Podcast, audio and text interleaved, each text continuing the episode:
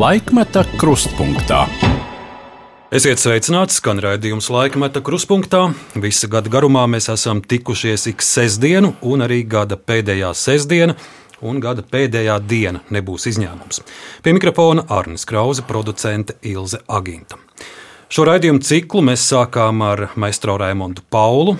Esam iztaujājuši vairākus desmitus ļaužu un noklausījušies daudzus arhīvu ierakstus ar producentu spriedām, ka gada pēdējā dienā mums būtu jāsatiek cilvēks, kurš uz šo pasaulē trako gadu uz notikumiem mums apkārt varētu paraudzīties gan ar nopietnu vērtējumu, gan ar humoru. Un pirmais, kurš mums ienāca prātā, ir cilvēks, kurš dažādos humora šovos ir parodējis arī vairākus mūsu raidījuma varoņus, bijušos un esošos politiķus, Pasākuma vadītājs, radio un televīzijas raidījuma vadītājs pēc dabas ļoti nopietns cilvēks, bet apkārtējie no viņa vienmēr gaida kādu joku. Valters Krause, Valter, sveicināts! Sveiki! Man zvanīja. Vispirms, paldies, ka uzaicinājāt. Man tāds īpašs gods izrādīts, bet, manuprāt, tu tam manam CV vēl nepateici tās radnieciskās saites uzreiz. Es ar tām arī gribēju uzreiz arī turpināt. Man arī klausītājiem, skatītājiem jāsaka, šī nebūs nekāda radu būšana tādā ziņā, ka, protams, mums ir ar Valteru vienāds uzvārds un mēs esam pusbrāļi, bet uh, Bet man būs patiesi interesants stundas garumā Valteru iztaujāt, jo nu, gluži nav tā, ka mēs katru dienu tiekamies. Šķiet, šogad mēs vispār neesam tikušies klātienē, un arī tāda varbūt sarunas stundas garumā aci pret aci mums dzīvē varbūt pat nav bijusi līdz ar to. Ir. Varbūt vienai. Bet to pie beigām. nu, lūk, tā kā, tā kā man būs tiešām interesanti dzirdēt Valteru pārdomas gan par to, kas notiek šobrīd mums apkārt, gan gan kas svarīgs ir viņa dzīvē. Valter, vai, vai tu esi dzirdējis arī kādu no mūsu šiem sestdienu raidījumiem gadu garumā? Jā, jā. es um, sen, ļoti, ļoti sen, pat tad, kad es vēl nestrādāju šeit, uh, Latvijas uh, radio. Um, braucot naktīs no kādiem darbiem, es vienmēr klausījos raidījuma atkārtojumus, jo tā mūzika man vienā brīdī bija jau apnikusi, bet man ļoti patika, ka vienos, divos, trijos naktīs varēja noklausīties to, kas ir dienā skanējis. Un, un nav būtiski, vai, vai tas bija raidījums, kā labāk dzīvot, vai ģimenes studija, vai kāda intervija, vai monopols.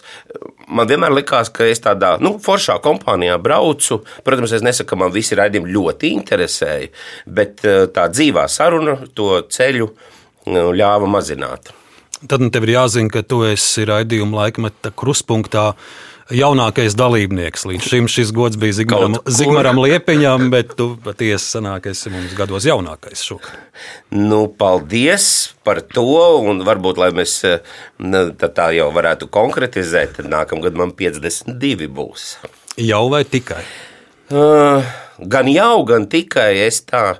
Es droši vien, ka nevaru apgalvot rokas sirds liekot, uh, ka man ļoti izdevās eh, pāriet to pusmūža krīzi, kā daudz, bet kaut gan man šķiet, ka man viņa jau bija ātrāk, kādos 45 gados. Bet, protams, ka tie mm, beidzamo divu gadu lielie notikumi, šausmīgie notikumi, nu viņu, tu, kā lai saka, to manu uh, raito soli vai pārdomas vai, vai, vai apdomas, izdomas, um, protams, kaut kādu savu.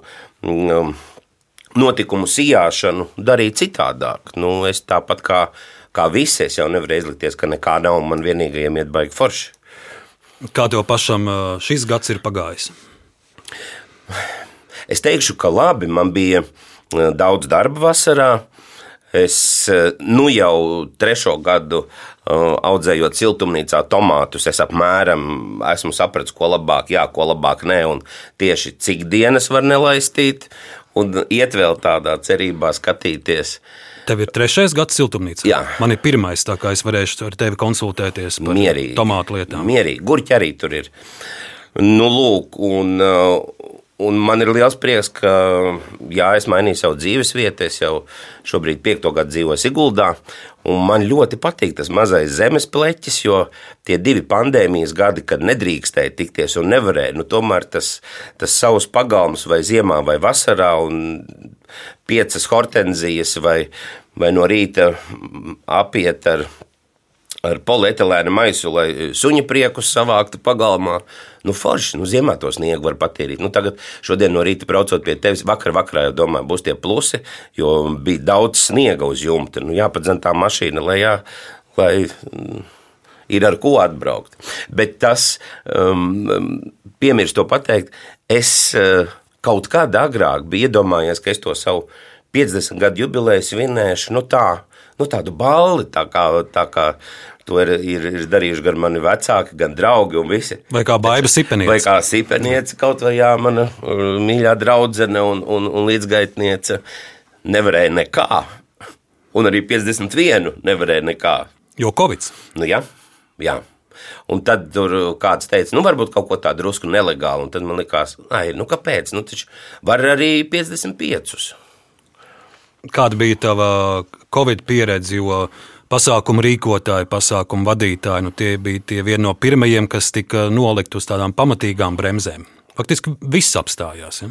Jā, bet uh, es uh, saņēmu arī kompensāciju, par ko es saku paldies, jo man vienmēr ir bijušas oficiālas darba vietas. Un, um, jā, man bija bail. Tā pati pirmā lieta laikam bija tāda, ka man bija bail fiziski nomirt. Jo neviens jau tad vēl nesaprata, ka, kas tas Covid tāds īsti ir. Un mēs tajā pašā pirmajā vilnī, pirmajā gadā ar Siguldas draugiem aizbraucām pirmajā reizē laikam. Četras dienas, otrajā reizē uz nedēļu prom uz Latviju, uz Kaplau, uz tādu zirgu sētu. Mums tur labas attiecības ar, ar, ar um, saimniekiem. Nu, tad mēs kā lai saka, bez mazliet skafandros braucām uz veikalu pēc kaut kādiem produktiem. Nu, tās rokas no tiem visiem spirtiem un līdzekļiem bija pilnīgi jēlas un vispārējais. Tā es to laiku pavadīju, un tad jau parādījās vakcīnas, man visas trīs. Bet rekur, kad, kad man bija pēdējo reizi Covid, Spriežot pēc, novembrī. spriežot pēc balss, nedaudz tāds piesmatušs. Ne, nu, nu, jau, nu jau ir arī visas uh, oficiālās analīzes kārtībā, tā kā es ne, neesmu bīstams citiem. Bet, uh, jā, dabūju, un tad kaut kā uh, es nevaru teikt, ka man ļoti, ļoti grūti bija. Nu, Nu, piemēram, piemēram, teātrī daži aktieri mēģināja izlīdzēties ar uh, ar šīm Zoom iespējām, vai, vai tev arī sanāca kādu pasākumu vadīt uh, jā, šādā veidā? Jā, un tas Kā bija. tas bija? Grūti.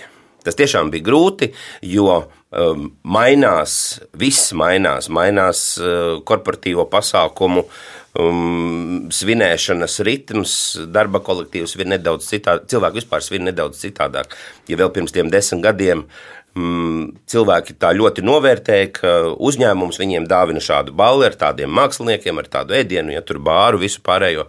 Tad šobrīd tajā telefonu laikā puse no tiem cilvēkiem nav klāta tajā pasākumā. Nu, viņi ir tajā telefonā, bet tomēr esot uz vietas, reāli ar viņiem runājot, reizēm nedaudz palūdzoties, to savu rezultātu var panākt. Pie kam tas jau pat nav mans rezultāts, bet nu, uzņēmuma vadība ir iecerējusi, ja, ka mums būs tāda akcija vai tāda spēle vai, vai kaut kas, ko es, protams, viens pats nevaru izspēlēt. Reizēm dodoties uz pasākumu, cilvēks saka, ah, reku krauze, nu, tā jau dziedās, dejos, runās un visu pārējo. Bet, mīļie cilvēki, es, es jau esmu tas, eh, lai jūs to darītu. Nu, tādā veidā mēs ceram, ka jūs atpūtīsieties. Un par tiem zūmiem, jā, nu tad ir tas viss šis garais ievads, ko es stāstīju par to, ka paaudzes mainās un cilvēki mainās. Un tas faktiski glāze, telefons un cilvēks tās ir trīs nešķiramas lietas. Un jā, daļai cilvēku ir interesantāk tur tajā telefonā nekā būt klāt. Nu, tad iedomājieties to vēl visu pārcelt. Ja es sēžu mājās pie datora un tēloju, ka man ir jautri, un tur pretī tie cilvēki, nu, viņš var būt gultā, viņš var būt virtuvē, viņam tur bērni var būt riņķī. Nu, tā, nu, ka to līdzdalību nekādā veidā nav iespējams panākt. Bet, jā, es arī tā strādāju, es arī tādā veidā savus komunālos maksāju. Nu, nav dzirdēts, ka kāzas, piemēram, zūmā kāds rīkotu. Tur laikam vairāk bija tā, ka ierakstīja mūziķi kādu dziesmu vai vienkārši sveicienu. Mm. Es, es pats esmu apsveicis kundzi dzimšanas dienā, stāvot zem viņas logiem un akordeonists blakus. Nu, caur logu sakliedzāmies. Tā ir bijis. Jā. Vēl par šo gadu, cik daudz tu sako ziņām, notikumiem, politikai, visam tam trakumam, kas notiek tagad mums apkārt pasaulē? Mm, katrs mans rīts faktiski sākās ar, ar datoru atvēršanu, ja, kur ir lielie ziņu portāli, avīzes gan es vairāk nepasūtu. Mm, tā arī neviena, ne katru vakaru televīzijas ziņas noskatos, piedod.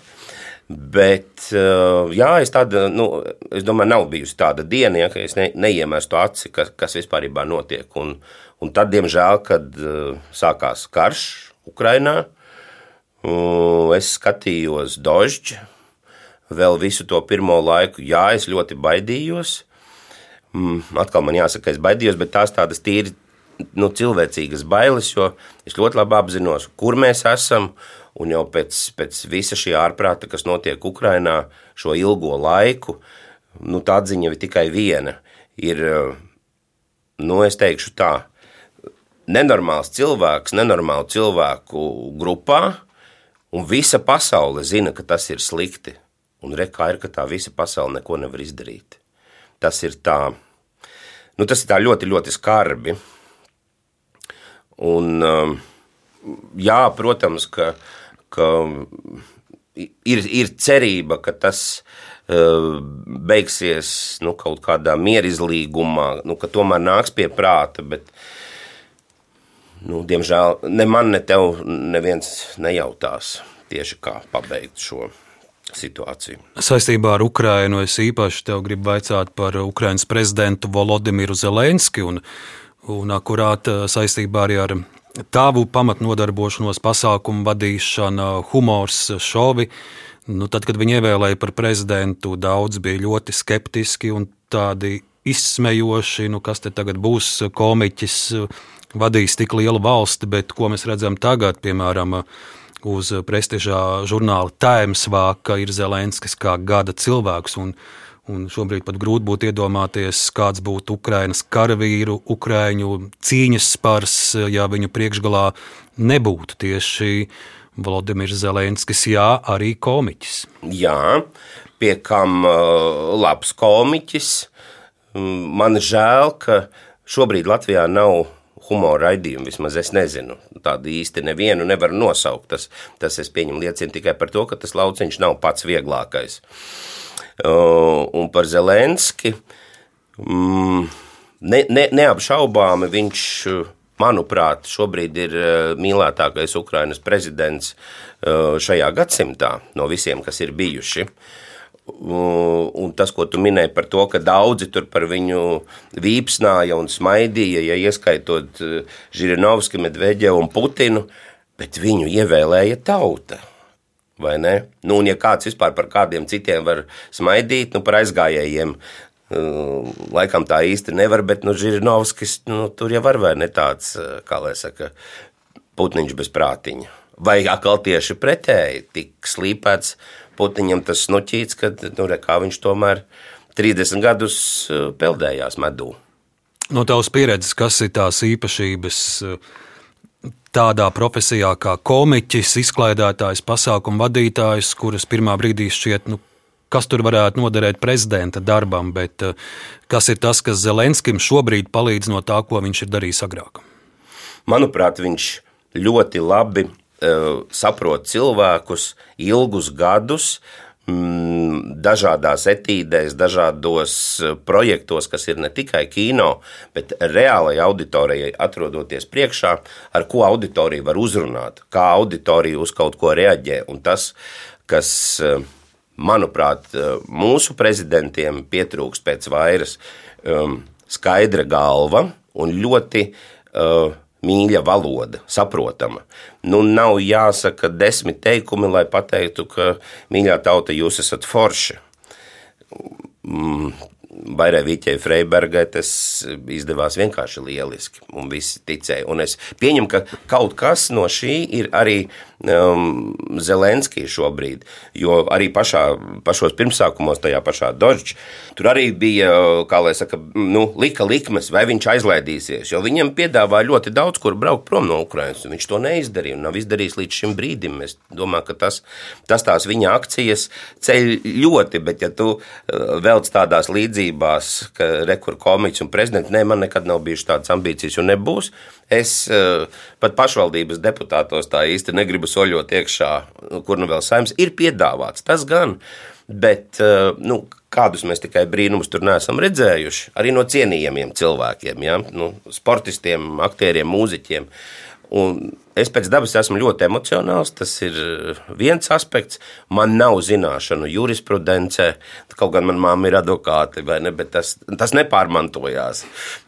Diemžēl, vai, vai nu, kaut kādās biznesa izpratnēs, nu, tas nav mans. Un, un uh, es nevaru apgalvot, ka es būtu tik veiksmīgs tāds kompromisa meklētājs nu, un būt vienam no ka tev jebkurā brīdī, nezinu, frakcijas vadītājs ja, vai kāds pelēkais kardināls pat ir klausies, kur tu tur vispār rausties, kāds tavs viedoklis. Nekas tāds neinteresē, rekā vajag. Nu, nē. Man liekas, es tos četrus gadus varu interesantāk nodzīvot. Tas, ka pensija ir lielāka, tu esi paskatījies Latvijā, vai kāda tev pensija draud šobrīd. Es paskatījos, man pašam bija interesanti. Nu, nu.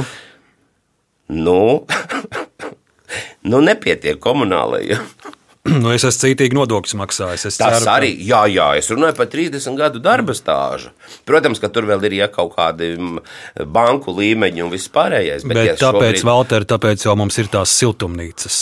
Mm. Jā, nu kas? Jā, bet jā. es šovasar noslinkoju, es neuztaisīju, es viņu saucu par ķopsi vai tāds lečo no, no tomātiem, kabačiem, burkāniem un, un reizēm ar pupām. Bezpa... Neuztaisīju nevienu burku. Nebija vaļas. Man ir pilns pagrabs, es, tev, es varēšu padalīties. Labi. Bet vēl par Ukrajinu.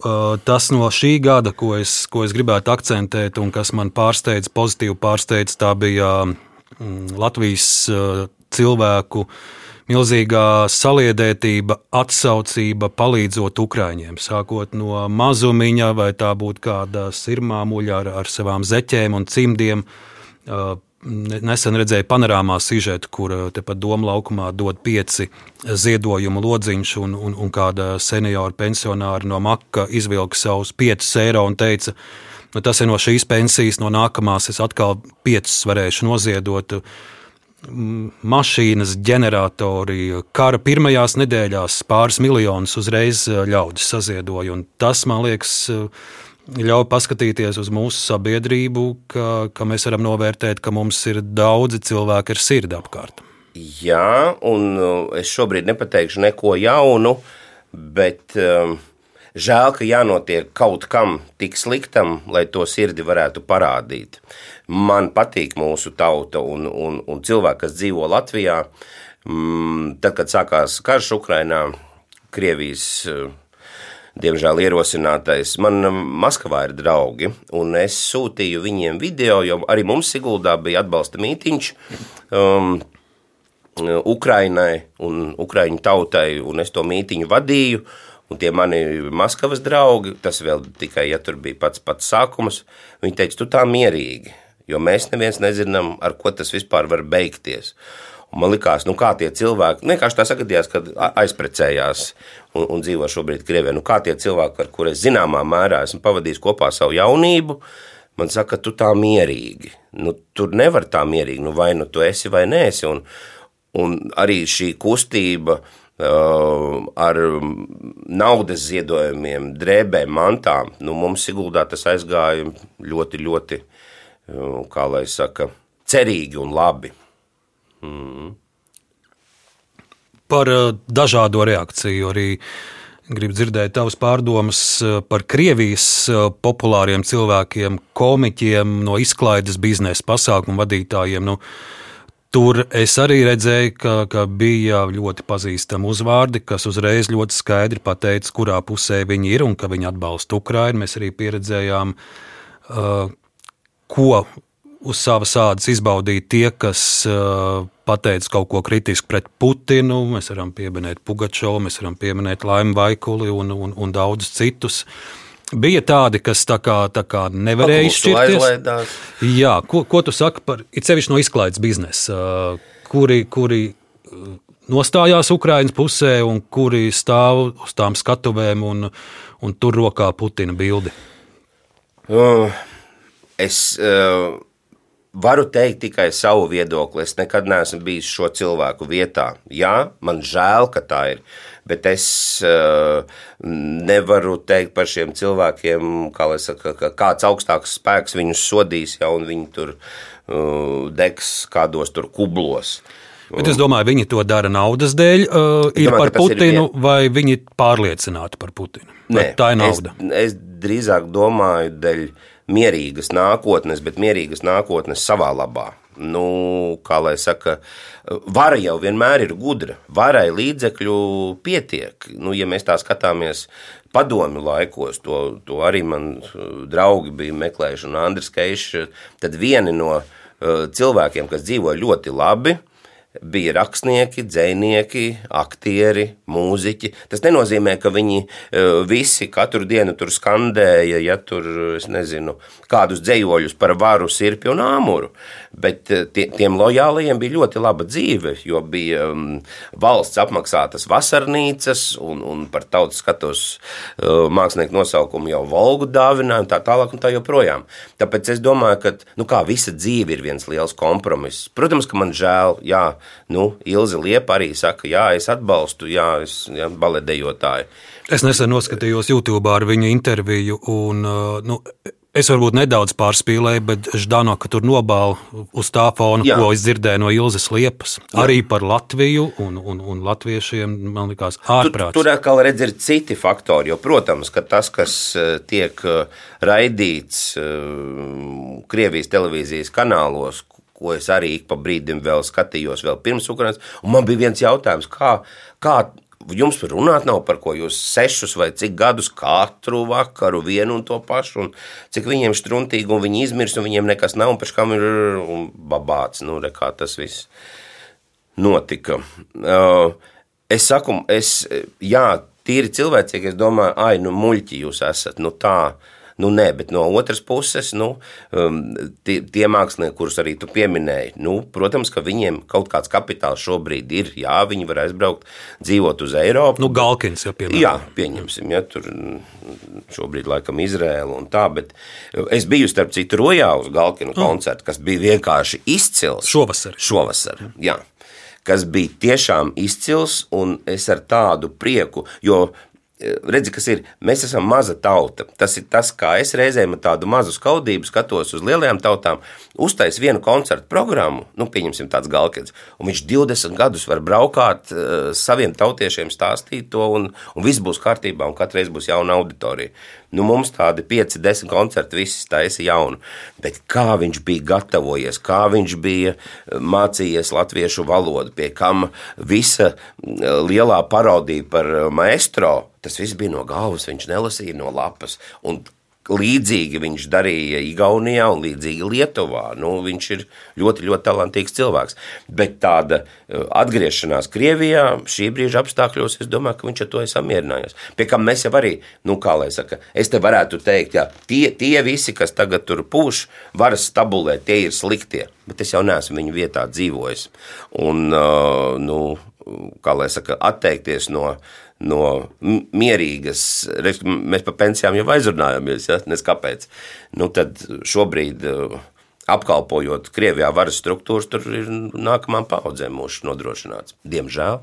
Galkins arī izcils uh, politiķu parodētājs, un, un tur jums ir sava līdzība. To arī ļoti daudz esi, nu ļoti ne, bet daudz esi parodējis uh, Latvijas politiķus, gan tādi, kas jau ir sen no politikas skatuves prom, gan arī uh, tādus, kas atkal ir atgriezušies, un, un daži no tavu parodiju varoņiem arī šogad bija mūsu raidījumā, un pēc brīža mēs arī dažus fragmentus no tavām parodijām noskatīsimies, bet eh, tas ir stāsts par Latvijas politiku, cik daudz tu tai seko, šis bija saimnes vēlēšana gads, vai tu maz piedalījies vēlēšanās? Es esmu piedalījies vēlēšanās visās kopš man ir bijusi pirmā pase, eh, gan saimas, gan pašvaldību, Un to, mm, šo jautājumu arī kādreiz, tad, kad mums vēl tur bija savādi, gan vai valstī viss ir kārtībā, teica, nu kā. Un daļa teica, nē, es nezinu, nu kā tu vari taisīt parodiju par to, ko tu neinteresējies. Nu, un, nu, tā jau ir atkal tā, tā lielā bēda. Nezinu, varu saukt, varu nesaukt uzvārdus. Nu, paskaties, kā te beidzamajā saimā, ja tādi, nu, mums bija tādi kliedzošie, saucošie, jau visi. Nu, Nu, kā viņi tiek, visi taču saprot, ka tas ir šausmīgi. Un viņi atkal tur ir. Nu, tur ir tādi, nu, kā lai saka, reizēm šķiet, ka tādi, nu, citur tiešām viņi neko nevar izdarīt, tikai tur. Un viss tā pastāsta, eju, tas arī vai tā tika. Jā, reko atkal ir uz četriem gadiem. Nu, tā kā. Bet uh, es jau tev atbildēju, kāpēc tu neej politikā? Nu, arī varētu. ir piedāvāts, arī ir piedāvāts. Vai ne? Nu, Bet tās partijas, kas man piedāvāja, sen jau vairs nav. À, manējie vēl velk. Tā, nu, lūk.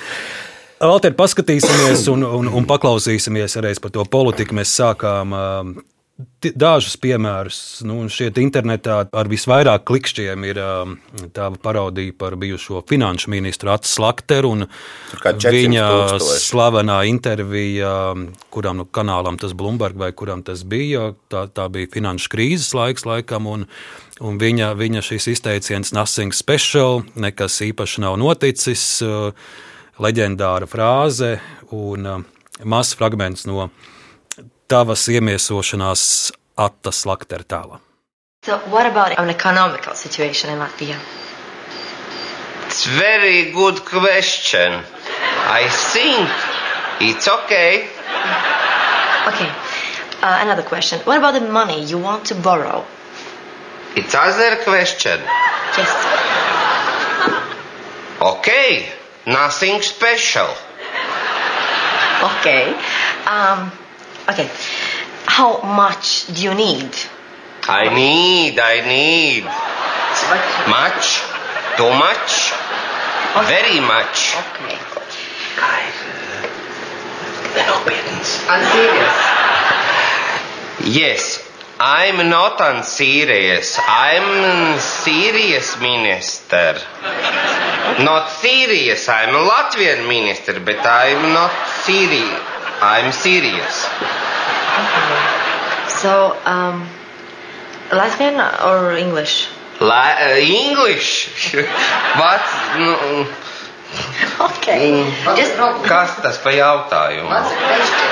What's the question? Um, nu, lūk, šāds fragments tev dzīvē ir nācies uh, satikt. Uh, atslēgt un, un, un pārunāt šo epizodu? Nē, Nē, šo noteikti nav nācies pārunāt. Es laikam ne ar vienu no politiķiem, par kuriem man ir nācies pārtapt, neesmu runājis par to. Kādreiz laikam Udrs Lēškalns bija. Vai Kārlis Lēškalns? Kārlis Lēškalns, piedodies, sajauc. Jā. Mm -hmm. Dziedātāji pēkšņi pateica. Bet nē, un, un es esmu bijis saka, gan kungi, gan dāmas, gan ministri, gan, gan frakciju vadītāji. Viena lieta, gan ko es varu teikt, ka tajos laikos, kad bija raidījums savādi, gan vai valstī viss ir kārtībā, uh, Nu, reizēm tā jautā, nu, jums kāds to pasūtīja? Neviens mums neko nepasūtīja. Mums neviens no malas nerakstīja scenārijus, mēs tā sanācām kopā. Faktiski tik cik ir tās kadra sejas, ja plus vēl uh, režisors vai, vai, vai, vai pats viesturs, kurš šobrīd ir zorgus. Un tā, tā tas aizgāja. Arī šeit bija, manuprāt, uh, divi dubļi tādi, un tad uh, to labāko samontē. Jāna tur vairāk bija uztraukusies par savu angļu valodu, jo es to nekad neesmu slēpis. Man pašam ir tāda diezgan trūcīga angļu valoda. Man nebija grūti, bet kas atkal man tā likās, kas rada to visu komismu, jo cik es atceros no tām visām ziņām, tad uh, Slaktera kungam piedāvāja runāt caur tulku, bet tā bija viņa, kā lai saka, pozīcija, ka nē, ka viņš runās angliski. Nu, tad, un beigās nothing special. Un beigās nothing special, jā. Nākamais fragments mums pirms pāris nedēļām. Šeit studijā bija infektuoloģija, bijusī veselības ministra Baiva Rozentāle. Viņa arī diezgan atklāti un paškritiski stāstīja par to, kādēļ ir mainījusi tik daudz partijas un kā viņa ir gājusi politikā. Un tad arī viens fragments, kur tu esi Baiva Rozentāle. Nu, es biju patiesībā tik priecīga, ka jūs man uzaicinājāt uz savu radiņu, jo mēs jau runājām iepriekš, ka, ka tas būs, un es gaidīju, un, un tuvojas tas īpašais. Eit, lab, mēs esam ētrā tagad. Labvakar, Latvija! Uh, pie mums ciemos ir bijusi veselības ministre, uh, šobrīd Rīgas domas deputāte no saskaņas centra Baija Brozentāva. Labvakar! Uzreiz pirmais jautājums, ko daudz cilvēki prasa. Kā tas ir? Jūs esat bijis sociāldemokrātos, tad jūs bijāt tautas partijā, tad jūs bijāt par labu Latviju, tad jūs bijāt saskaņas centrā, nu tagad ir saskaņa. Uh, kā tas ir? Nu, jums tā domas mainās? Mainās pa šiem gadiem, vai kāpēc jūs esat vienā partijā? Jūs esat ilgdzīvotāji, ceļotāji putns. Redziet, eh, es atvainojos zorgus. Es uzskatu, ka uh, savā ziņā uh, būšana politikā tas ir kā tāds vīrus. Ja ar to cilvēks vienreiz saslimst, tas ir faktiski jums uz visu mūžu. Jums ir vīrus. Teiksim, uh, drīzāk, drīzāk es to traktētu nevis kā vīrusu, bet kā vēlme darīt cilvēkiem labu.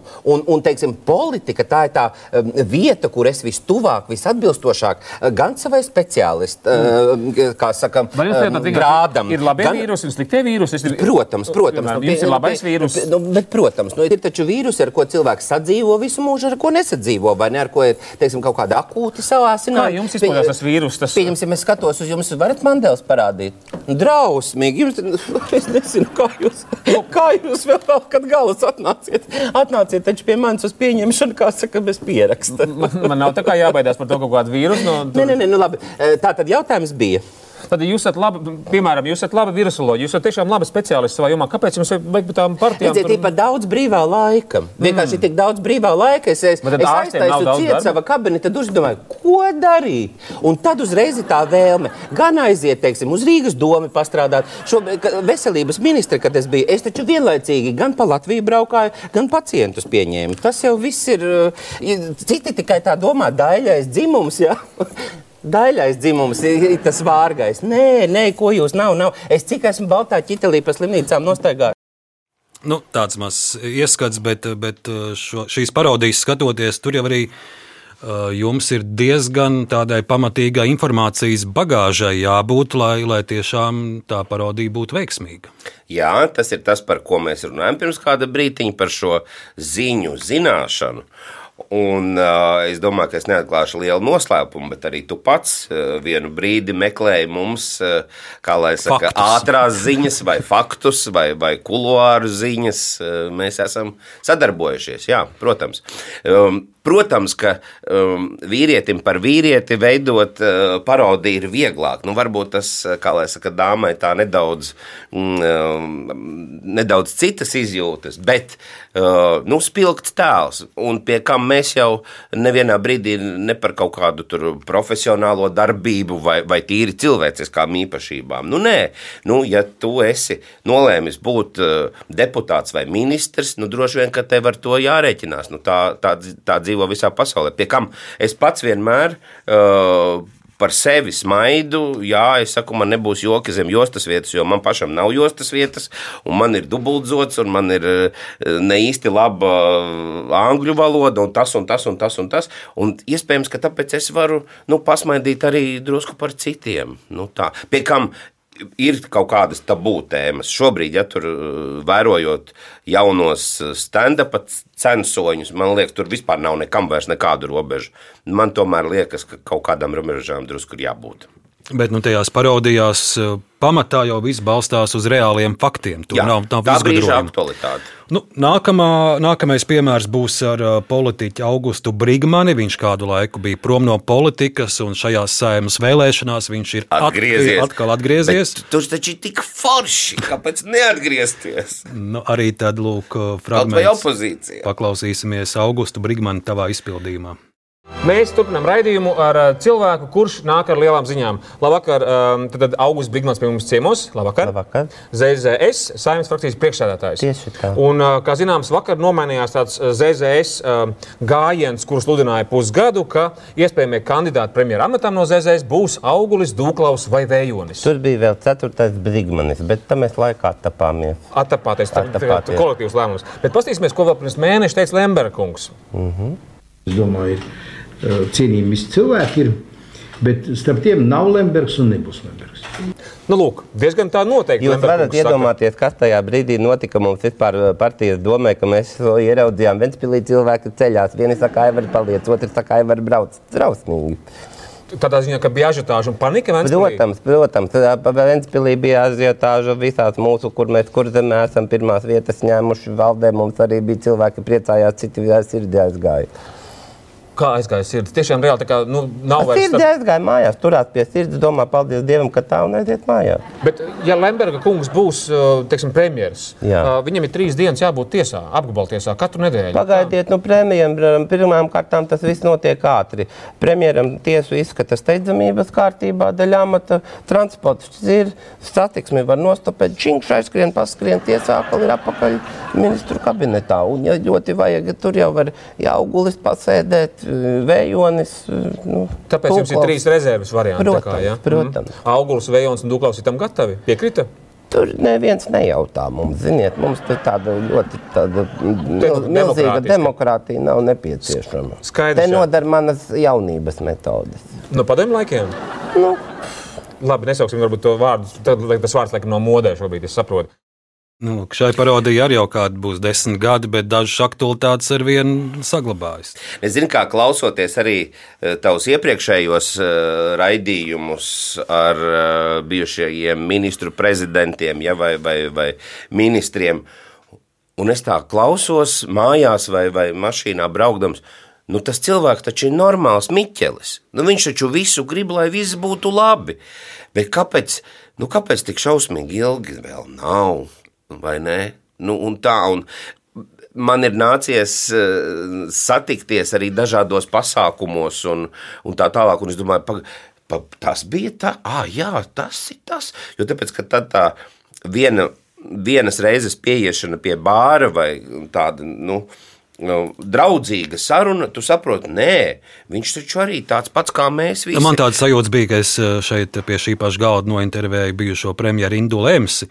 Viens ir stāsts, tie fragmenti no, no viņa laika ministru un premjeru amatā, un tur ir dažādi skandāli. Bet atkal no otras puses, ja to tā stundu acs pret acu ar cilvēku pārunāt, tev, tev ir sajūta, nu, nu sakarīgs cilvēks. ja. Viss taču kārtībā. Tikai kāpēc tad, kad tie sakarīgie sanāk daudzi kopā, tad nav kārtībā. Vēl viens tās, ko tev noteikti nevar pārmest, ka tu varbūt eh, esi uz kādu īpašu uzēdies un esi parodējis tikai vienu politisko flangu. Tev viņš ir ļoti plašs, tur sākot no dzirdējām Brigmani, ir arī šķēle bijis. Piedod atkal- par to šķēli. Es gribēju, cik tas bija skaisti, ka šķēle gāja gar jūrmā un meta jūrā akmeņus. Nu, pilnīgi, kad būtu biļetens tajā brīdī rokā, momentāli iestumts. Tas bija no vēlēšana klipa. Jā. Jā, jā. Un eh, esi parodējis arī Jānu Urbanoviču. Nu, viņš atkal ir tas stāsts, kurš, kurš pēc daudziem gadiem eh, šogad Viss no saimas atpūties. Mīļais draugs, atpūties. Paklausīsimies, kāds izklausies kā Jānis Urbanovičs. Un mēs turpinām raidījumu ar aktuālo interviju. Ukraiņas kontekstā mums loģiski ir jāstāsta, kas Latvijā iekšpolitiski notiek uh, ar Latvijā dzīvojošiem cilvēkiem, dažādu tautību cilvēkiem. Un tāpēc esam uzaicinājuši ciemos uh, divus, tā teikt, viedokļu līderus šajā jautājumā Latvijā - Jānis Urbanovičs no Saskaņas centra. Labvakar! Labvakar. Un Raivis Dzintars no Nacionālās apvienības. Labvakar. Pirmais jautājums ļoti, ļoti vienkāršs un svarīgs. Tātad daudzi runā par to, ka jūsu partijas, lai turētos pie s- sprites, eh, lai turētos līderos un būtu labi reitingi, jums vajag konfliktu un jūs tādā veidā audzējat reitingu. Mūsu apvienība vienmēr to ir teikusi. Neskatieties, kā saka, ko par mums runā, skatieties, ko mēs esam izdarījuši. Ko es izdarījis? Nu, paskatieties kaut vai, kaut vai Rīgas domas šī brīža darbu, kaut vai kas notiek iekšpagalmos, paskatieties, kas notiek Rīgā ar kaķu kastrāciju. Eh, Vai tas kaut kā- kaut kā mēģina savest kopā tautības Latvijā? Tie jūs Es piemēram, domāju, ka tas ir pilnīgi absurds jautājums, jo tā, kad ķer kaķi, tad neviens neprasa tautību. Jā, jā, nu šeit uh, tie kaķi tiek pieminēti. Jums bija vairākas parodijas arī pie Rīgas domas filmētas tieši par Ušakova kaķiem. Toreiz bija Jā, jā, jā. Mūris un, Mūris un vēl viens. Kuzja. Kuzja jā. Nu, kā, kā jau tur redzēja, mēs vizuāli esam līdzīgi diezgan. Un um, man ir tāda, kā lai saka, dabas vai gēnu dota seja. Ja es nesmaidu, es izskatos dusmīgs. Bet nu, tāda tur, kā lai saka, mums tiem ar Cimovičiem ir. Man Bet- arī daži teikuši, ka es esmu, man ir teikuši, ka es esmu vējonim līdzīgs, piemēram. Jā, jā, jā. jā, jā. Tev saka, ka tu esi Urbanovičs. Ja, ā, tavu, tavu izskatu un keiša balsi pilnīgais vējonis.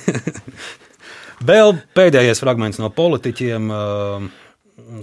Viens politiķis, politiķe, kuru mēs vairs tagad nedzirdam, vai tik bieži nedzirdam, bet arī ā, ziņu pirmajos virsrakstos savulaik bija, un tā ir Iveta Grigule. Un tu esi bijis arī Iveta Grigule. Paklausīsimies. Par šo video mums nav nekādas mazākās idejas, kas tur būs. Varbūt sākam skatīties. Varbūt jūs tomēr varat pabrīdināt, kas tur būs. Nu, redziet, par mani ir izteikušies zemnieki, skolotāji, politiķi, partijas biedri, bet uh, zoo pasaule ir noklusējusi. Ko mēs tur varam redzēt? Dzīvniekus Paskatīsimies! Skatāmies. Milzīgs paldies Ivetai Grigulei, ka mani neaizsūtīja jūras skolā. Balsošu par Ivetu Griguli.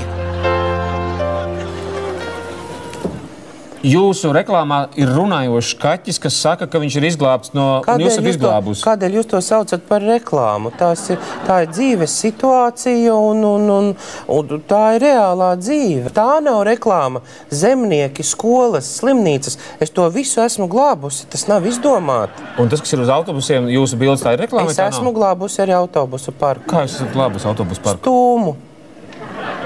Nu, redziet, tā kā bija tā bargā zima, bija beigušās smilts, sāls maisījums, autobusi slīdēnis, bet tiešām reāli stūmu. No rīta eh, skolas autobusus uz skolām izstumdīju, pēc tam eh, strādniekus uz rūpnīcām. Tas pats, protams, arī vakarā. Un tā, un tādā veidā es nesaku, ka tie cilvēki, Labi, redziet, es jau no man ir- viņiem neko neprasu. Es vienkārši gribu, gribu Latvijai, lai visi atcerās, ka cilvēks ir vissvarīgākais. Nu, Cilvēks ir vissvarīgākais. Daži joki ir tagad ar laika distanci skatoties. Nu, tur, protams, ir svarīgi atcerēties uh, Kontekstu. kontekstu ka, piemēram, Ivets Grigulas bildes bija uz autobusu pēcpusēm, jā, un, un, un tas tā frāze cilvēks. Milzīga kampaņa. Milzīga kampaņa. Mēs esam noklausījušies, noskatījušies dažus piemērus no politiķu parodijām, un uh, kā nākamais būs fragments no Latvijas radio fonotēkas 2003. gads raidījums Dzīve un stils, raidījuma vadītāja Ievīnce, un tajā mm, tiek iztaujāts arī tu, un tieši tu šeit runā gan par ironiju, gan par parodiju, par iemiesošanos citu tēlos. Diez vai tu atceries, ko tu pirms 20 gadiem teici. Es jau vakar neatceros visu. Tad lūk, raidījums dzīve un stils 2003. gads.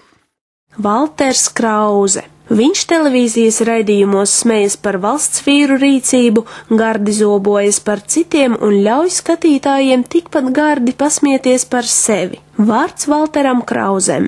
Ironija lielā mērā ir godīga attieksme pašam pret sevi. Ja es pats protu pasmaidīt no rīta par to, ka es šodien slikti izskatos, un protu pasmaidīt atceroties to, ka es vakardien īpaši labi uzvedos, un protu neraudāt uzreiz par to, kad es izdzirdu vārdu nāve, jo tā notiek. Teiksim, ja veca, veca sirma māmuliņa, kura ir pie 90 gadiem, dieviņš viņu ir pasaucis pie sevis, tad, nu, varu vīpsnāt par to, ja es izlasu, ka cilvēks nodzīvojis 100 gadus un es izlasu nekrologā, kad pēkšņā nāvē miris.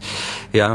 Es ceru, ka es to mācīšu arī pret sevi, pagriezt kaut kādā veidā. Man patīk pašironija. Nu, es, teiksim, varu pateikt, kad man ir dubultzots, un es tev stāstu par to, ka, jā, uzkāpdams uz svariem, es viņu nolieku atsevišķi, jo tik daudz svari neņem iekšā savā ripā. Nu, tad tā ir pašironija. Kā tev šķiet, cik lielu ironijas devu vajag, lai vispār varētu visas Latvijas priekšā tā teikt pārtaisīties par kaut kādu niķīgu kundzīti vai kaut ko tam līdzīgu?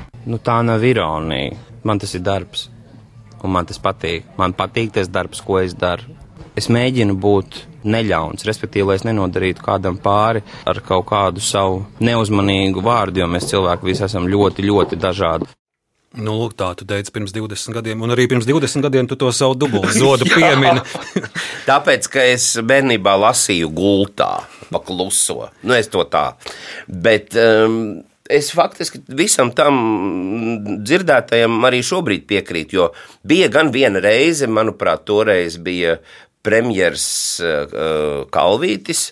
Un uh, tad saimnes sarunās, ja tur bija kaut kāds riņķis degunā un kaut kāds tāds, un tad es atceros, ka kaut kas mums tur tā cauri un cauri un cauri. Ja, tāda žagata atnesa tādu vēstījumu, nu, ka vai tā, tā vajadzēja, jo, jo tā, arī tur viņam bērniet skolā un tā.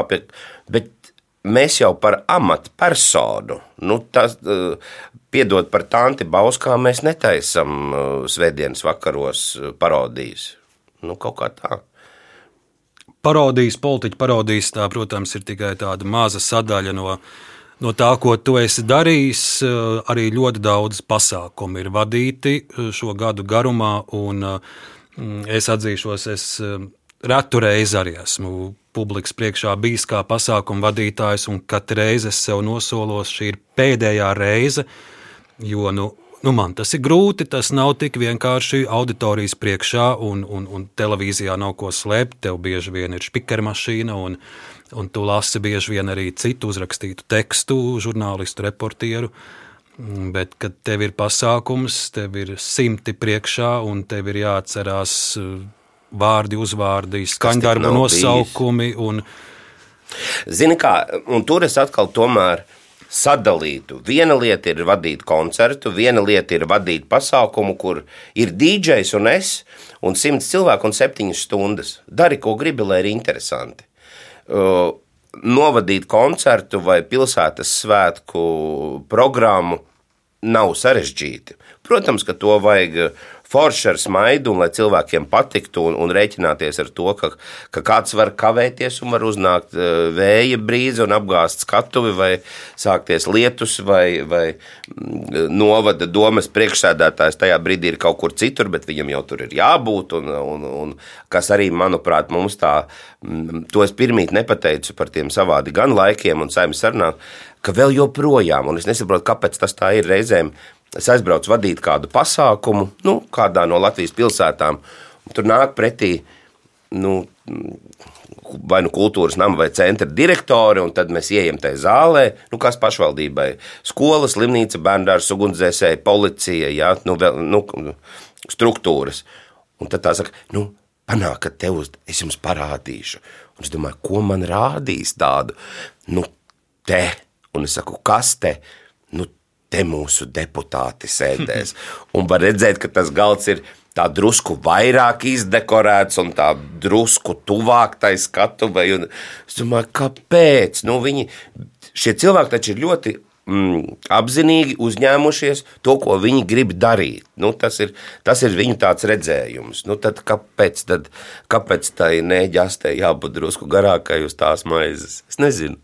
Internetā es atradu vienu tavu stāstu, kur tu dalies atmiņās, kā tu esi vadījis uh, savu pašu pirmo pasākumu, vai iespējams vienu no pirmajiem. Tas bija, cik es saprotu, VF kultūras pilī. Uh, paklausīsimies fragment.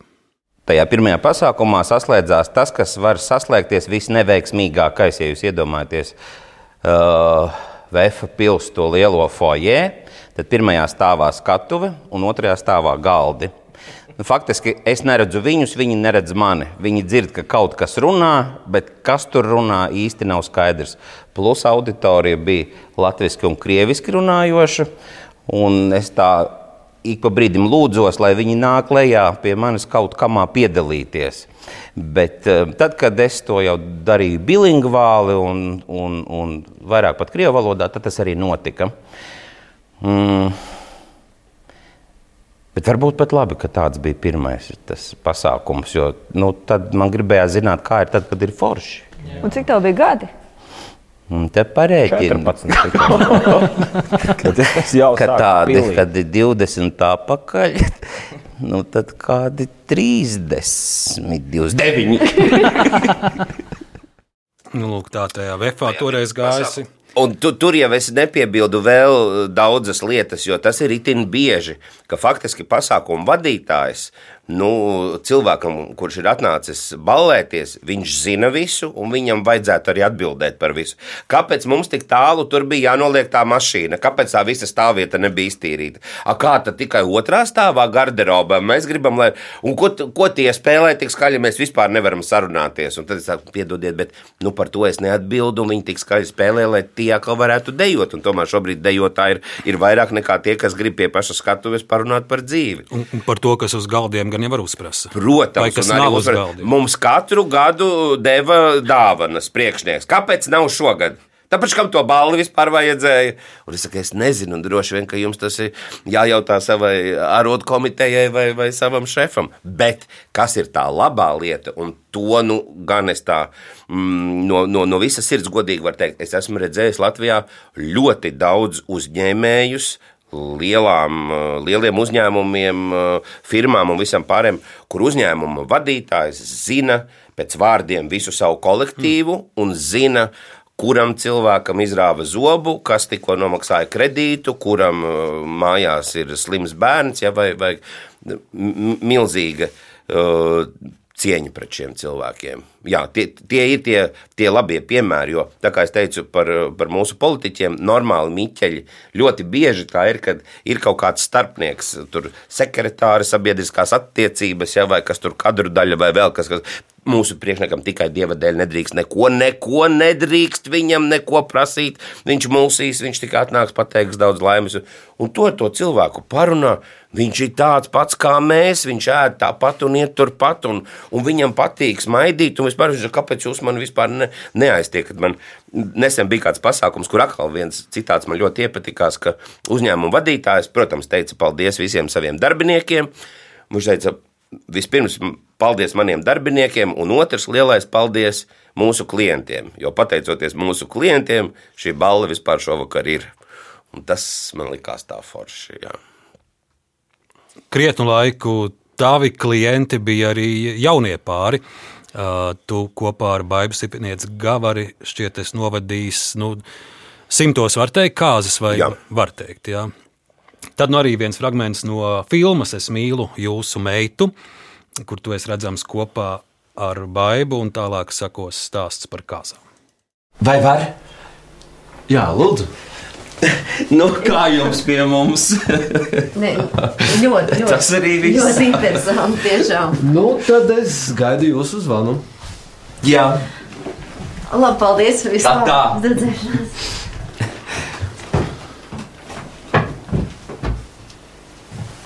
nu kā? Divi tūkstoši. Nu, labi.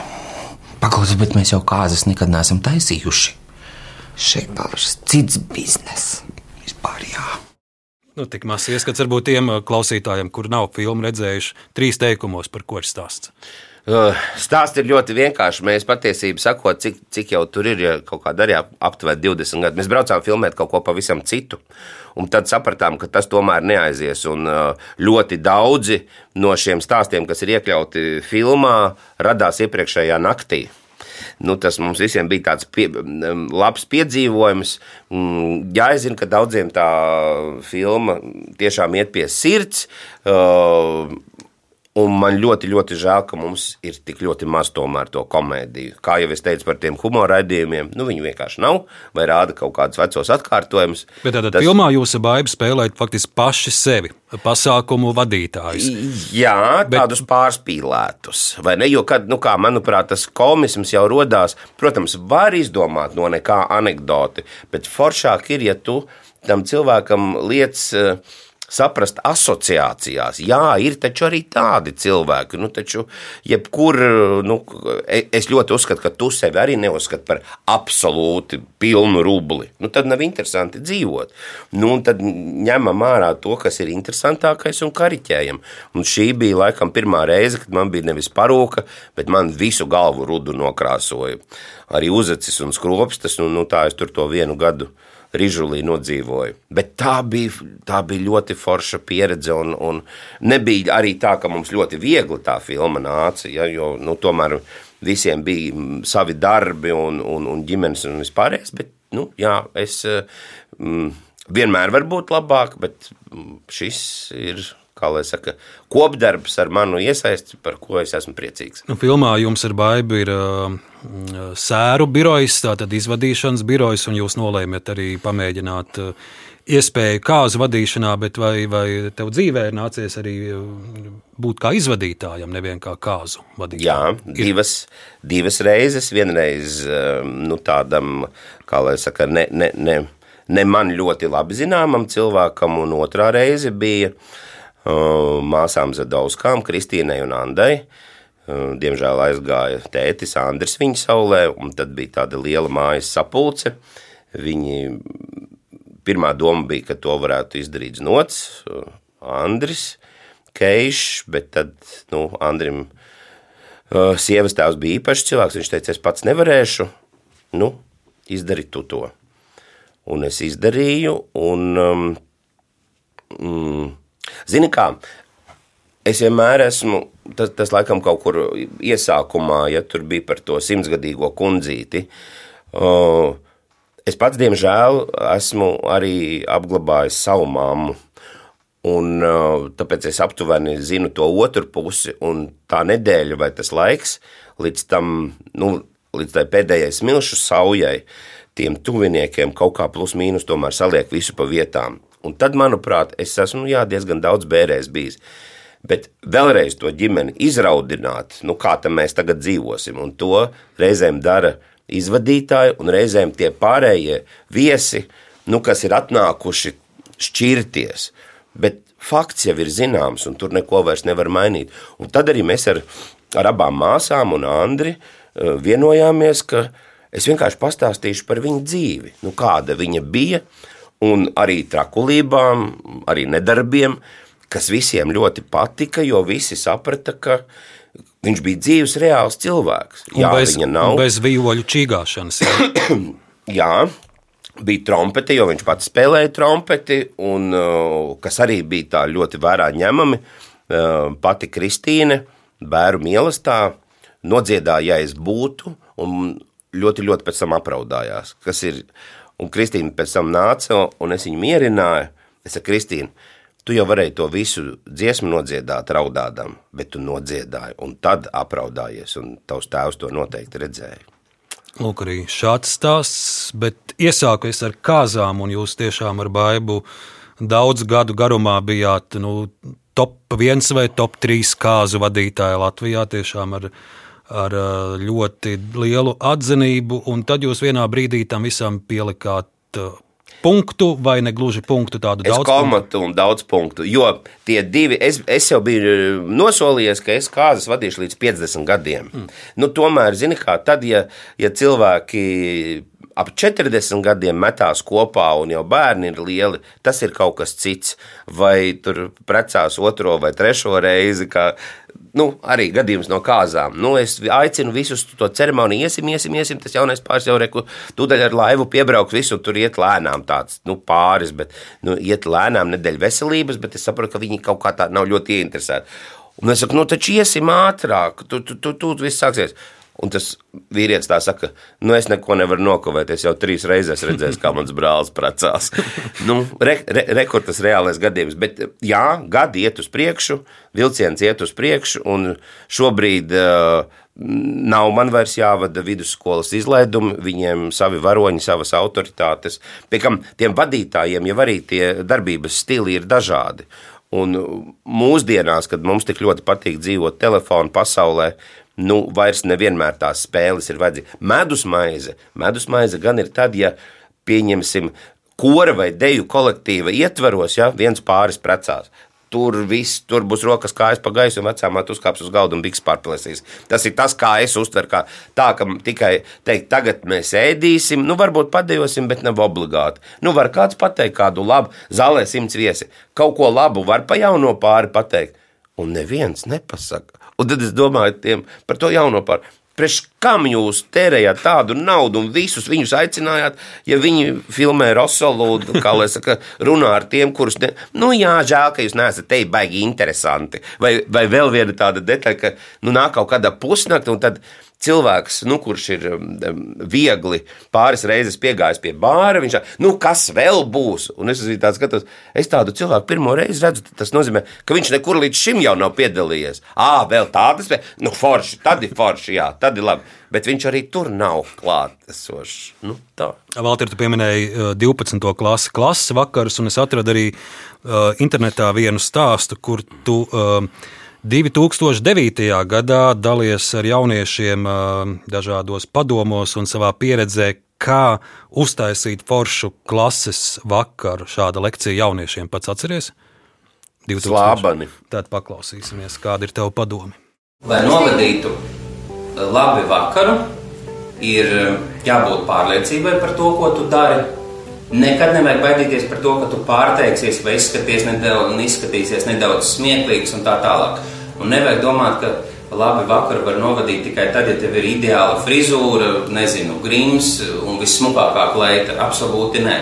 Galvenais ir um, tā drosme un tas, ka tas, ko tu dari, ka to nevajag tikai tev, ka tas patīk arī visiem pārējiem.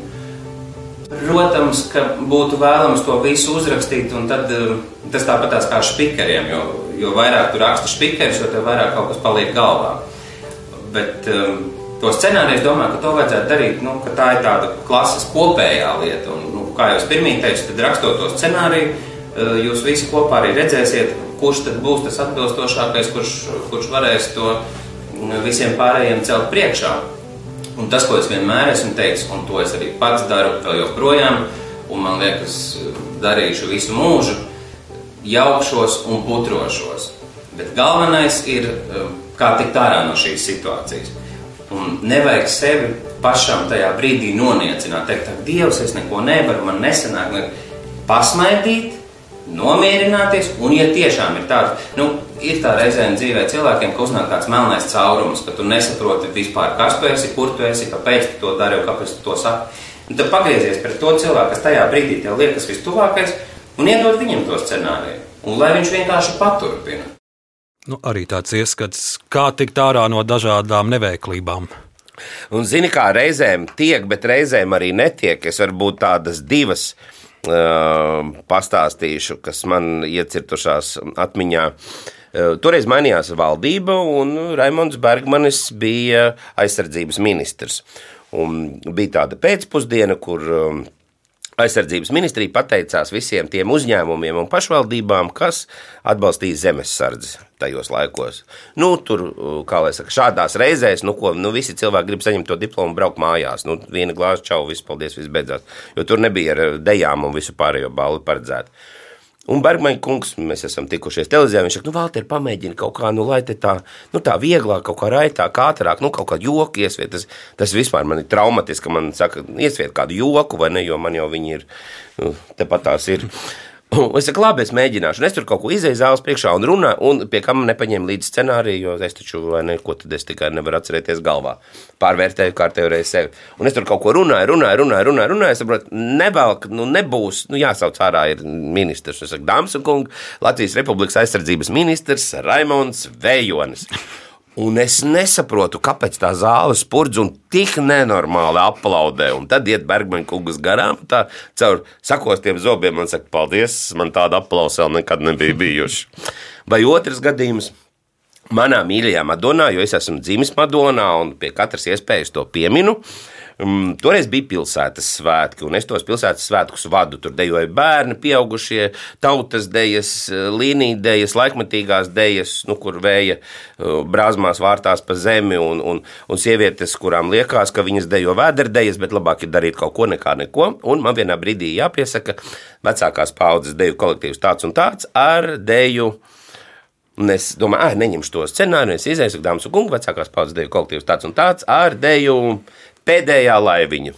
Un tās dāmas nenāk, bet viņas tur ir uz tās skatuves. Es viņas redzu tajās aizkulisēs. Un es saku, dāmas, nāciet. Un tur viena tāda dāma, laikam, kolektīva vadītāja, viņa saka, tā nav tādēļ. Un es aizēju pie tā scenārija, pats oh, atvainojos, piedodiet, lūdzu. Es ļoti atvainojos, dāmas un kungi, vecākās paudzes deju kolektīvs tāds un tāds ar deju peldēja laiviņa. Tās dāmas nodejo, un es kā vainīgs kurš ir sajaucis, padodu viņām roku, lai viņām ērtāk nokāptu no skatuves. Un tā, kas bija tā sirdīgais, viņa saka, nu, piedodiet, cienītā, nu, nu tiešām nu, neveikla sajauc. Viņa tā laipni skatās acīs, viņa saka, nekas, nekas, Valterīt. Mēs jau pašas zinām, uz kurieni mēs airējam. nu, mīļi, tā, nu. Nu, lūk, ā, Latvijas radio klausītājiem. Tava balss ir pazīstama arī no tavas pieredzes šeit, ā, strādājot Latvijas radio, vadot raidījumu, kā labāk dzīvot. m, Cik ilgs laiks tas bija? Vismaz pāris gadi.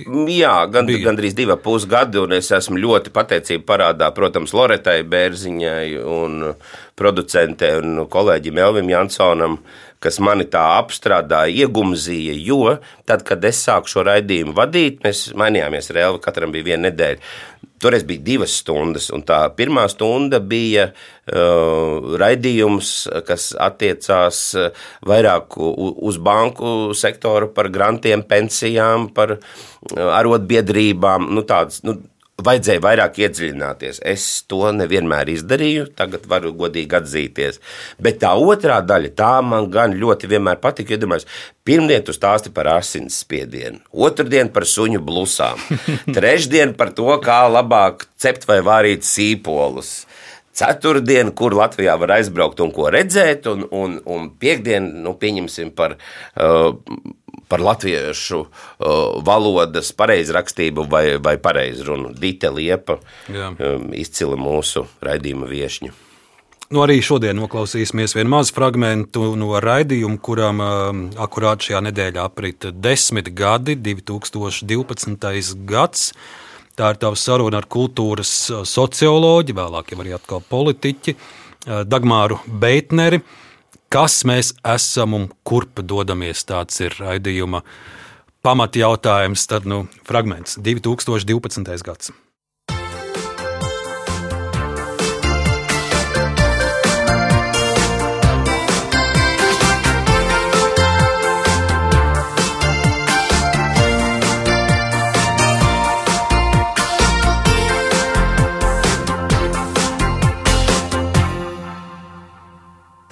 Labrīt, esiet sveicināti! Sveiciens visiem radioklausītājiem pirmajos Ziemassvētkos.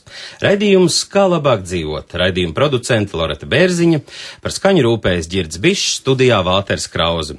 Un šodien parunāsim par to, kā mēs sevi saprotam, kā mēs šo sapratni pārvēršam darbībām, vai vienmēr to ir nepieciešams pārvērst darbībām, ko mēs paši par sevi sakām un kādas ir šīs domas.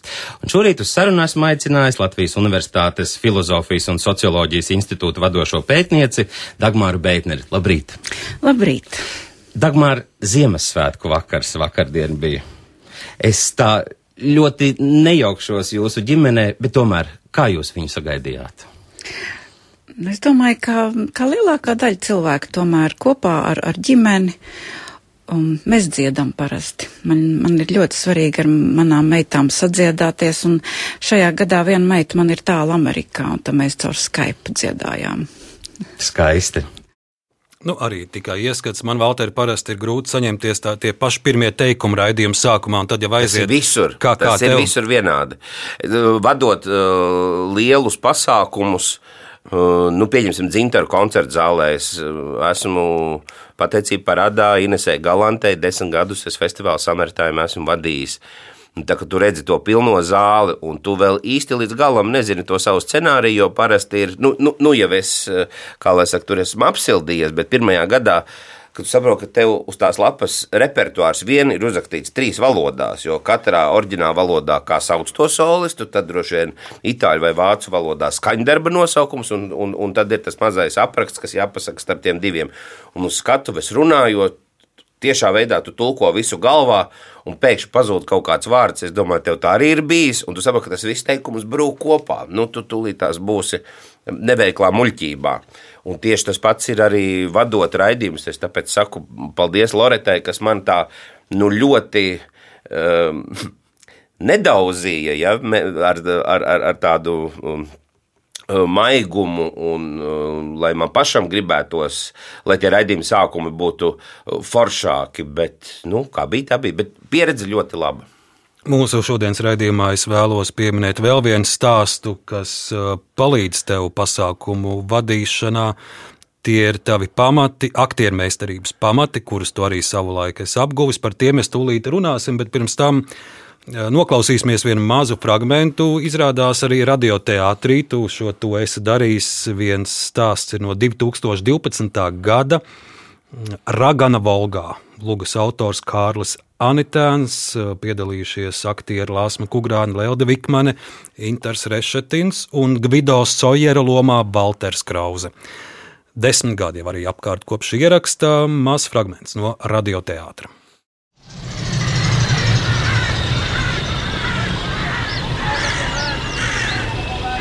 Ui. Bet kraukļi sabijās. Kraukļi bīstas, bet briedis nē. Pat no helikoptera nebaidās. Tev ir jāpēta, jāpēta, vēlreiz jāpēta un jāatrod atbilde. Tā, ja Dievs viņu tādu radīs, lai dzīvo, nevajag mocīt. Zinātnē jāsaprot mutācijas, jo tās var skart arī cilvēku. Jāizpēta, kādēļ šis mežonīgais indivīds jūt tik stipru saikni ar jums. Es zinu. Jūs viņu piebarojat. Viņš ēd maz. Kādreiz iet ļoti daudz, bet pēdējos 30 gadus gaužām maz. Viņš pie jums ir tik sen? Jā. Fenomenāli, un jūs klusējāt. Jā, klusēju. Vido Sojer. Līdz šim bija klusējošā mutācija. Jūs briedi slēptu vēl ilgi, ja viena studentu grupa nebūtu ieklīdusi šeit, lietainos padzerties ūdeni. Ilza Krāmiņa zinātnes vēstnesis un raidījums pa pēdām visam kam. Una Thompsone, jūsu gadiem ilgā klusēšana ir noziegums, saprotat? Noziegums? Jā, noziegums. Tomsonis kundze, es jums kaut ko parādīšu. Vīri, padodiet manu datoru. Tā, skatieties šeit. Ar matemātiskās modelēšanas metodi, izmantojot mūsu rīcībā esošos foto uzņēmumus, jo rengeni vēl nepaspējām uztaisīt. Lūk, modelēšanas metode ļāva mums noteikt provizoriskās gēnu mutācijas, kas izveidojušas dzīvniekam unikālo kaula zīmi pierē un savādo ragu formu. Mums jāatrod iemesls, kādēļ šī mutācija notikusi. Fenomenāli, vai ne? Nu, tāds arī, arī to tu esi pieredzējis darba radioteātrī. Jā, un uh, milzīgi liels uh, paldies, ka mani aicināja. Un es uh, pats ik pa brīdim klausoties radioteātrī ierakstus automašīnā, kā, kā mēs jau par to runājām. Es domāju par to, cik ātri iet laiks, jo nu, man nav šobrīd tādu tiesību tiem, kam ir 20, vai 25 vai 30 gadi. Um, cerēt, ka viņi zinās, kas bija Harijs Liepiņš ja, vai tur. Nu, Jānis Osis, Lidija Freimana un tā tālāk, un tā joprojām. Es to zinu, tāpēc, ka es to mācījos, un man, man tas ir interesanti. Nu, droši vien jau arī jaunajai paudzei kaut kad kaut kas, kas, tā, kas tas pa krauzi, à, tāds bija. Nu, jā, nu, viss labi. Nu, tā. Es šajos raidījumos palūkojos arī tālākā pagātnē, un par tevi es atradu pirmā publikācija, kur ir tavs vārds minēts. Nu, tas, ko es atradu, ir 93. gada janvāris, laikraksts Latvijas jaunatne. Raksts saucās Vēl viens neatkarīgs teātris. Raksta autore ir Anna Roža Kalne, šobrīd zinām arī kā mediju zinātniece un sabiedrisko mediju ombuds. Un te ir stāsts par to, ka Rīgā ir vēl viens jauns neatkarīgs teātris, teātris režisors Alvis Birkovs. Viņš stāsta arī par studentiem, kas tiek apmācīti un mazs fragments no šī raksta. Ar studijas audzēkņiem strādā 16 pasniedzēji, viņi apgūst pasaules vēsturi, reliģijas vēsturi. Studisti mācījās pat UŠU, strādājam ļoti intensīvi, un savos aktieros mēģinām apvienot rietumu aktieriem raksturīgo fizisko varēšanu un mūsu aktieru psiholoģisko izpratni.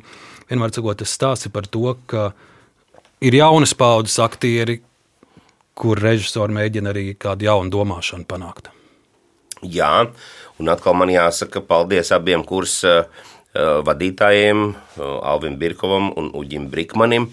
Un tā gan nebija mana pirmā saskarsme mm, ar, ar teātra mācībām un zināšanām, jo 14 gadu vecumā es iestājos Tautas kinoaktieru studijā. Tur gan uzņēmu no 16, es tos divus piemeloju klāt, un tad mani Liniņš, Ferda un Matīs uzņēma kursā, un atkal viņiem visiem es varu teikt milzīgi lielu paldies, jo jā, es tā domāju, ka es būšu aktieris, es gribēju būt aktieris, un uh, Tad es beidzu kinoaktieru studiju, un tad es iestājos lūk, šajā kursā. Tas bija tāds eksperimentāls kurs, bet, diem, un diemžēl arī vienīgais. Bet, jā, Ivars Bērziņš mums mācīja kordziedāšanu, Anita Gariņš akadēmisko dziedāšanu, Tamāra un Artūrs Ēķi gan klasisko, gan, gan moderno dēju. Nu, tur var saukt un saukt tos pedagogus, un man patiešām Juris Rubens ja, mums pasniedz reliģijas vēsturi un Un, uh, nu, kaut vai kino lektorija pie Valentīnas Freimanas, ja, kas ir nu, tā, nu, nu, tā, tā, tā, šī ir mana dzīves ekstra, ka es tur arī paspēju visur apgrozīties. Es gan pēc tam vēl vēlāk iestājos arī uh, kultūras akadēmijā uz televīzijas režisoriem, bet tos es nebeidzu. Man kaut kas man tur ne, ne, ne, man likās, ka interesantāk ir uh, strādāt par viesmīlu. Nu, lūk, par viesmīlu arī mans nākamais jautājums, jo arī šī epizode tavā dzīvē ir jāpiemina. Nu, uz lielās skatuves tu nenokļuvi, bet uh, tu nokļuvi tādā cilvēku lokā, kur arī bija dažādi mākslinieki, aktieri, uh, Un, un tā bija kafejnīca Ozīris. Jā. Var teikt, pat leģendārā kafejnīca Ozīris. Un, ja, pie, piedod, jā. šajā manā stāvizrādē, ar kuru es pēc tiem saviem 50 nedaudz pabraukāju, mēs bijām divas reizes Madonā. Paldies visiem madoniešiem, kas atnāca. Tur es pirmajā reizē teicu, es jaunībā, 90. gadu krīzes laikā strādāju par, par viesmīli Ozīris. Madonā ir sērunams Ozīris. Jā, un abadīšanas kantors ir jā. Ozīris. Un es nesapratu, par ko smējās zāle. Nu, tad otrajā reizē jau es sapratu. Mazs fragments arī no, no interneta dzīvēm, kur tu atminies eh, savu darbu kā viesmīli. Un tu apkalpoji pašu, pašu Džordžu. Reiz, kad viņš bija ieradies Latvijā. Džordžu Sorosu, lūk, tavas atmiņas. Tāds viens gadījums, tur pie kamīna uz dīvāna tie galdi bija sastumti kopā. Toreiz, kad Soros pirmo reizi atbrauca uz Latviju, un es viņu apkalpoju, mans kolēģis Timurs, nu, Timurs bija nedaudz vairāk dzīvē redzējis, kā es, viņš tomēr strādāja Latvijā melodijas bārā. Es tāds biju diezgan sabijies, un tur ir kaut kur bilde, kāds es toreiz izskatīju, puse no šitā.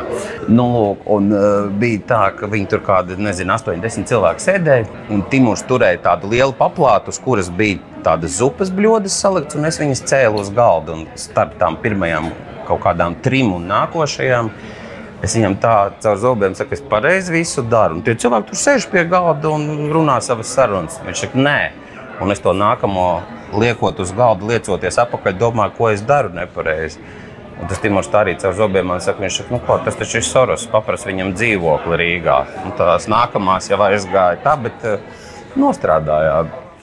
Lūk, tāda apkalpojas Soros. Nu, ir ļaudis, kuri, kuri um, to dzīves periodu, kad viņi ar paplāti ir staigājuši, varbūt nelabprāt atcerās, un daži pat kaunās. Tu par to esi es ļoti labprāt.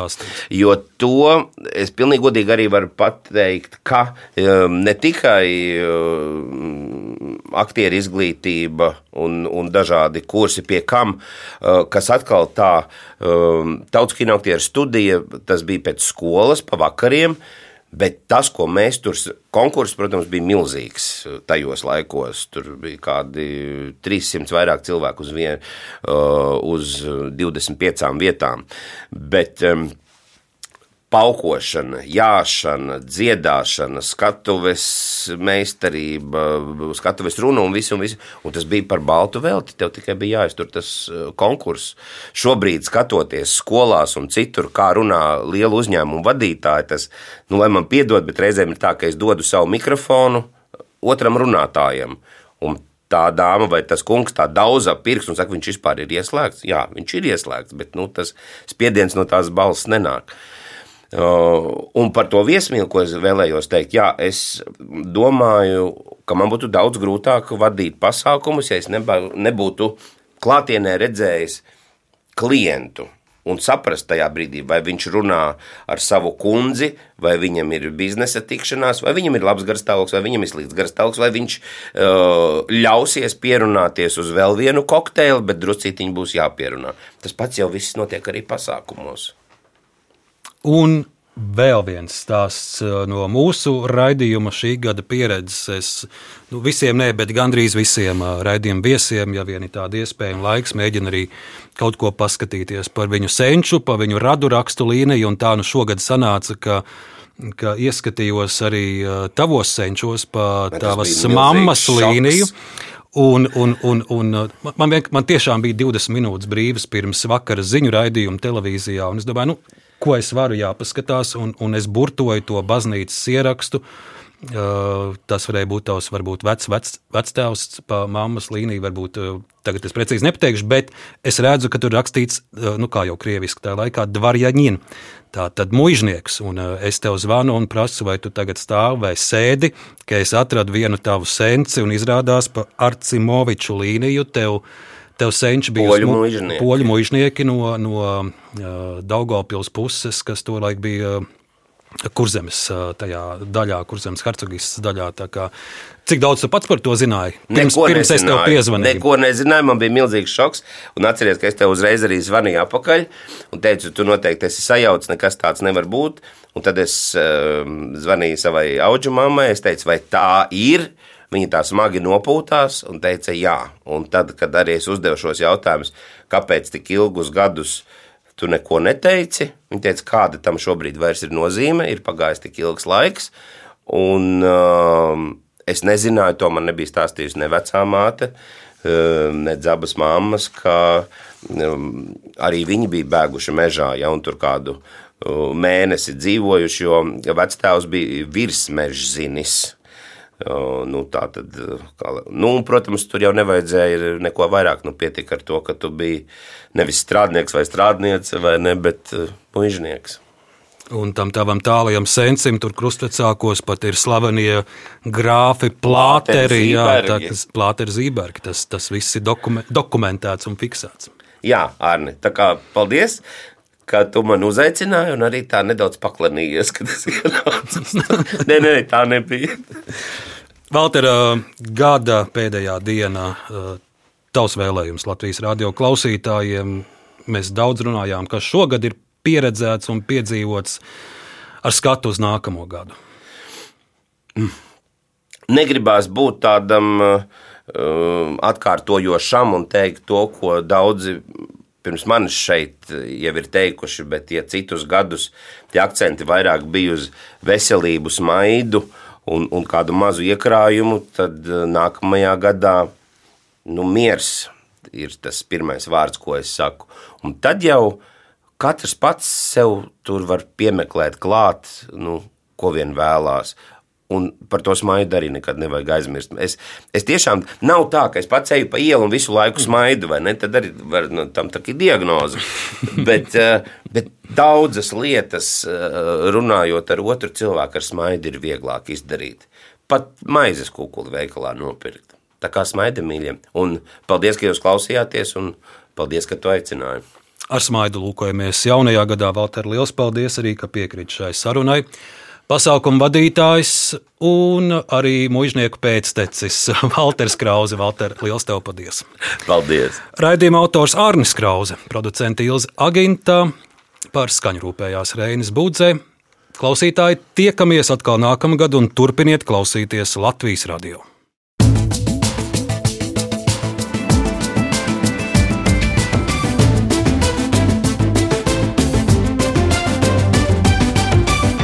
Laikmeta krustpunktā.